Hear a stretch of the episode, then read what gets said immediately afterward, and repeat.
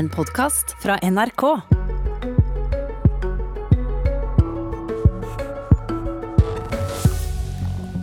Støre styrker stillinga og dreg fra både Høyre og Senterpartiet, viser NRKs supermåling for august.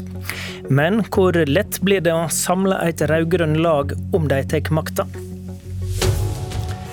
Akkurat nå kan du gå inn på nrk.no og finne måling fra det distriktet der du bor. Det er supert, og det er derfor vi kaller det for NRKs supermålinger. I stedet for hyppige målinger gjør NRK grundige målinger eh, der vi får tall fra hvert eneste av de 19 valgdistriktene. Dette gjør vi i dag og en gang til før valget. Og akkurat slik en gjør med et valgresultat, så summerer vi disse 19 resultatene til ei stor måling.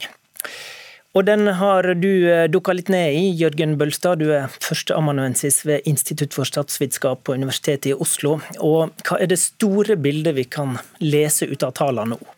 Det store bildet er jo litt sånn som vi har sett utover hele våren, at det er en stor eh, rød-grønn ledelse. Altså De borgerlige er jo egentlig avhengige av å gå frem, eh, men så har de faktisk i stedet gått litt tilbake den siste tiden. Og I tillegg så er det jo da sånn at småpartiene på høyresiden nei, ja, på høyresiden risikerer å komme under sperregrensen, mens de på venstresiden nå kan komme over.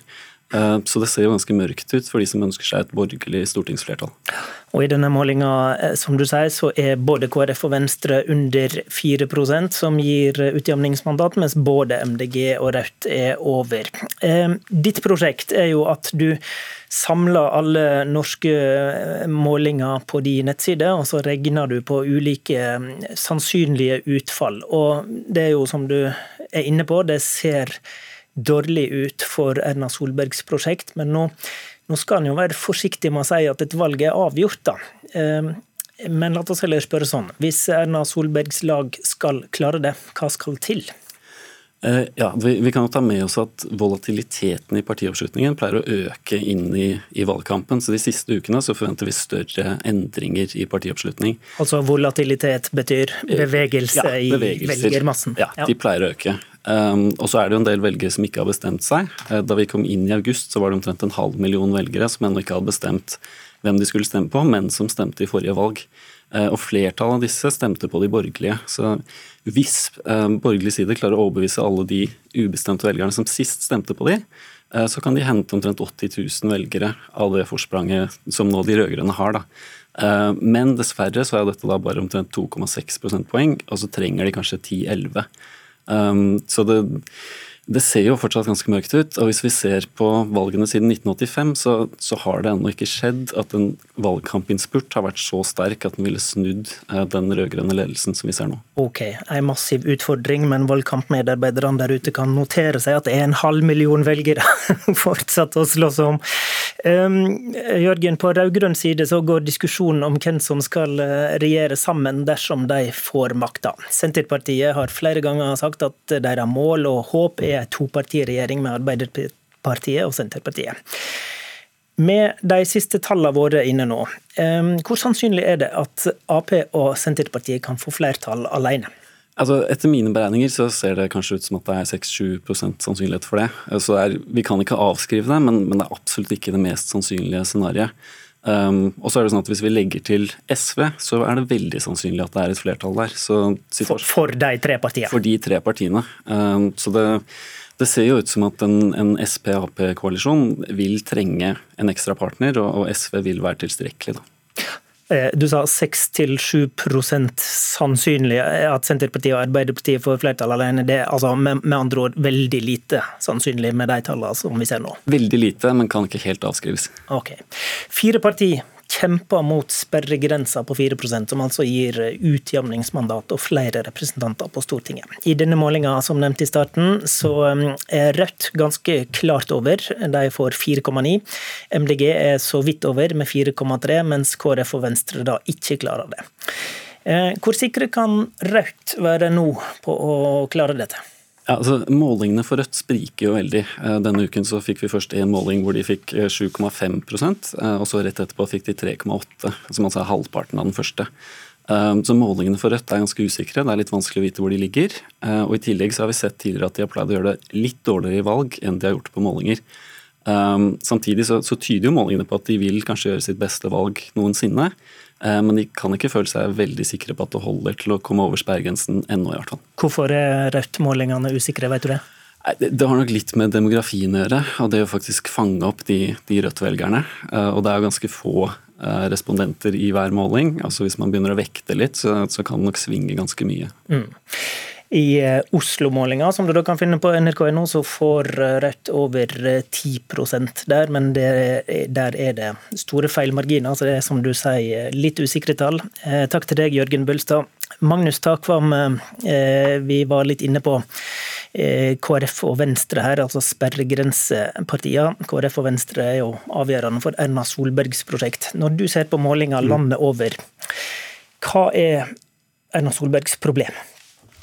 Det første er jo for Erna Solberg at også partiet Høyre, som lenge jo holdt stand av de, var det partiet som holdt stand av de borgerlige partiene, også har begynt å eh, miste oppslutning og for så vidt ikke bare i byene, men i, i mange distriktsområder eh, også.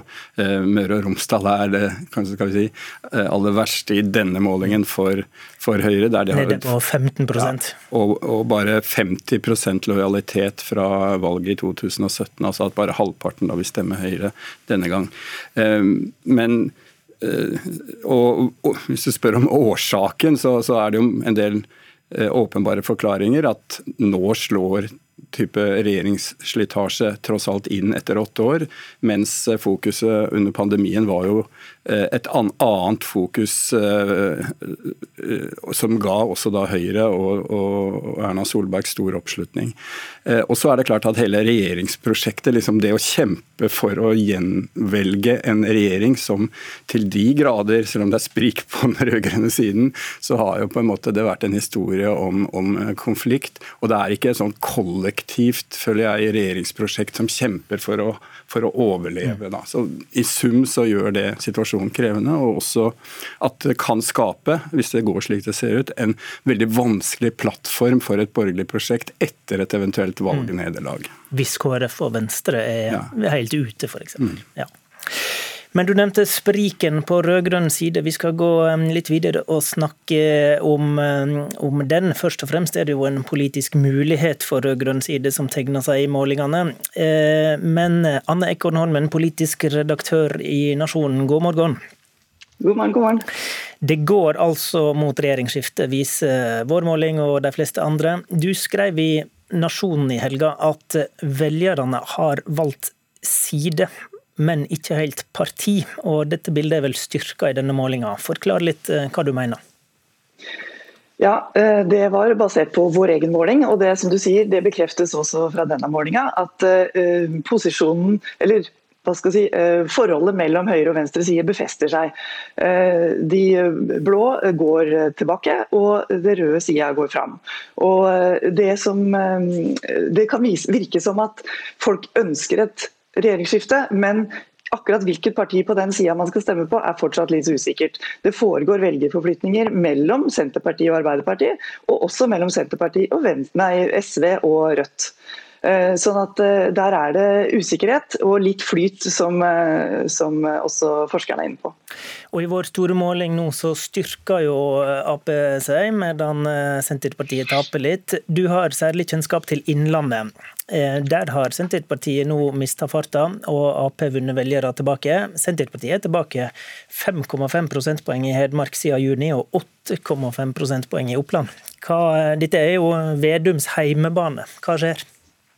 Ja, Det er absolutt Vedums hjemmebane. og det er jo sånn at Tradisjonelt så er jo eh, dette området et eh, ordentlig rødt Arbeiderparti-område, historisk sett. Mange kommuner som har hatt eh, Ap-styre nærmest siden krigen. Men Senterpartiet har hatt store steg, både i valget i 2017 og ikke minst i kommunevalget for to år siden. Og det vi ser nå er at Noe av det er i ferd med å smuldre litt opp igjen. Det kan ha sammenheng med, vi kan i hvert fall spekulere i det, at når Senterpartiet stadig flørter med Høyre, eh, og det partiet som de faktisk har gått ordentlig i opposisjon mot, men nå sier at eh, ja, vi kan tenke oss å samarbeide med kanskje om innvandringspolitikk, eh, forsvarspolitikk, så kan de rødeste Senterparti-velgerne kanskje gå tilbake til Arbeiderpartiet og eller et av de andre mm. mindre partiene på den sida. Dette var utspill fra Vedum tidlig på sommeren, og han har også kommet med kritikk Magnus Takvam av Ap, i, i bl.a. om Nord-Norge-politikken. Hva tror du Vedum taper litt på nå? Jeg tror nok det er et resultat av at han og Senterpartiet fikk det Eh, opplagte lederskapet i opposisjon i en lang periode mot den sittende regjeringen, og profitterte på det. Så det er ikke, føler jeg, overraskende at det avmattes litt, at den framgangen ikke blir så voldsom som det lå an til tidligere eh, i vinter. Og Vi ser også at det er eh, regionale sprik når det gjelder Senterpartiets oppslutning. I en del fylker går de betydelig tilbake sammenlignet med forrige måling. I Vestfold Eh, Telemark, Rog, Rogaland osv. Så, videre. så det er et, et stort spenningsmoment eh, hvor, hvor, hvordan de klarer å holde til mål, rett og slett. Mm. Eh, åpenbart. Ekon Holmen, var det ei tabbe av Vedum å erklære seg som statsministerkandidat? Ja, og så må jeg først legge til at eh, som Vedum sier, det, Den eh, målinga som eh, Senterpartiet ligger på nå, det vil for han fortsatt være nærmest historisk høyt. Så det kan han fortsatt si, sjøl om han går tilbake mye. Men om det var en tabbe å presentere seg som statsministerkandidat, det er litt usikkert. For det første vet vi ikke hvor Senterpartiet ville vært nå hvis han ikke hadde gjort det. Men jeg tror først og fremst at det var nødvendig for partiet og for han å få en slags ro omkring det spørsmålet. For det var en periode der Vedum ikke fikk spørsmål spørsmål om noe annet omtrent. Eh, og nå når han står fram som det, så kan han heller eh, konsentrere seg om andre saker.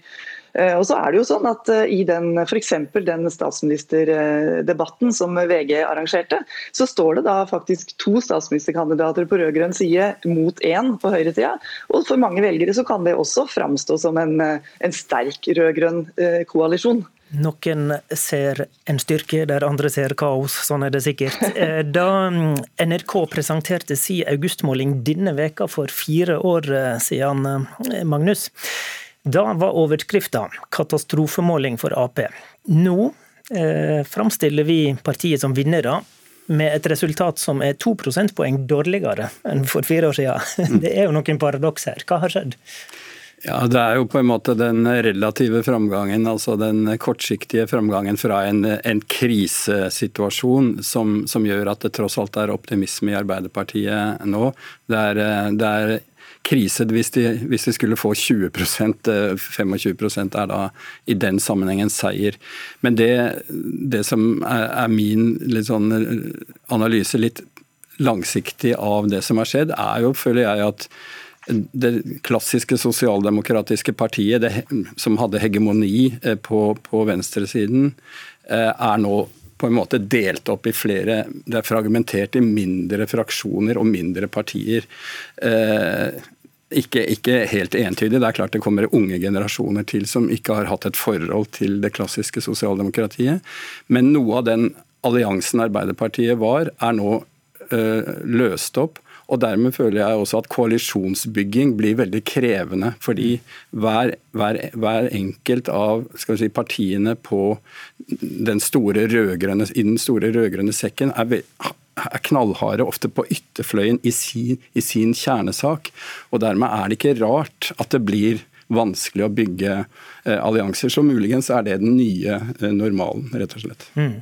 Og Ekon eh, nå hører vi at ei flertallsregjering av Ap-Senterpartiet virker usannsynlig, men så også ser vi i målinga her at det er en stor blokk med Rødt, SV og MDG.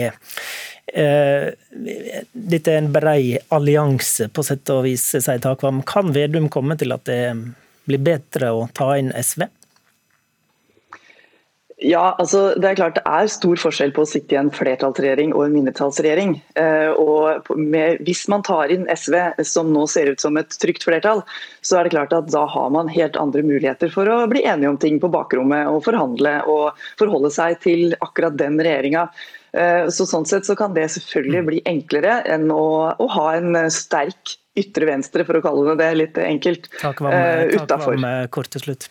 Ja, jeg føler at Hvis denne målingen blir realiteten, så er det klart det er et stort dilemma for SV å gå inn i regjering med eh, stor, en stor eh, gruppe av Rødt utenom. Altså Hvis SV ikke er sterkere enn de er nå, så vil de måtte gjøre mange kompromisser som der Rødt da kan stå eh, ranke og rene utenfor og, og kapre stemmer. Så det er ikke bare enkelt, det.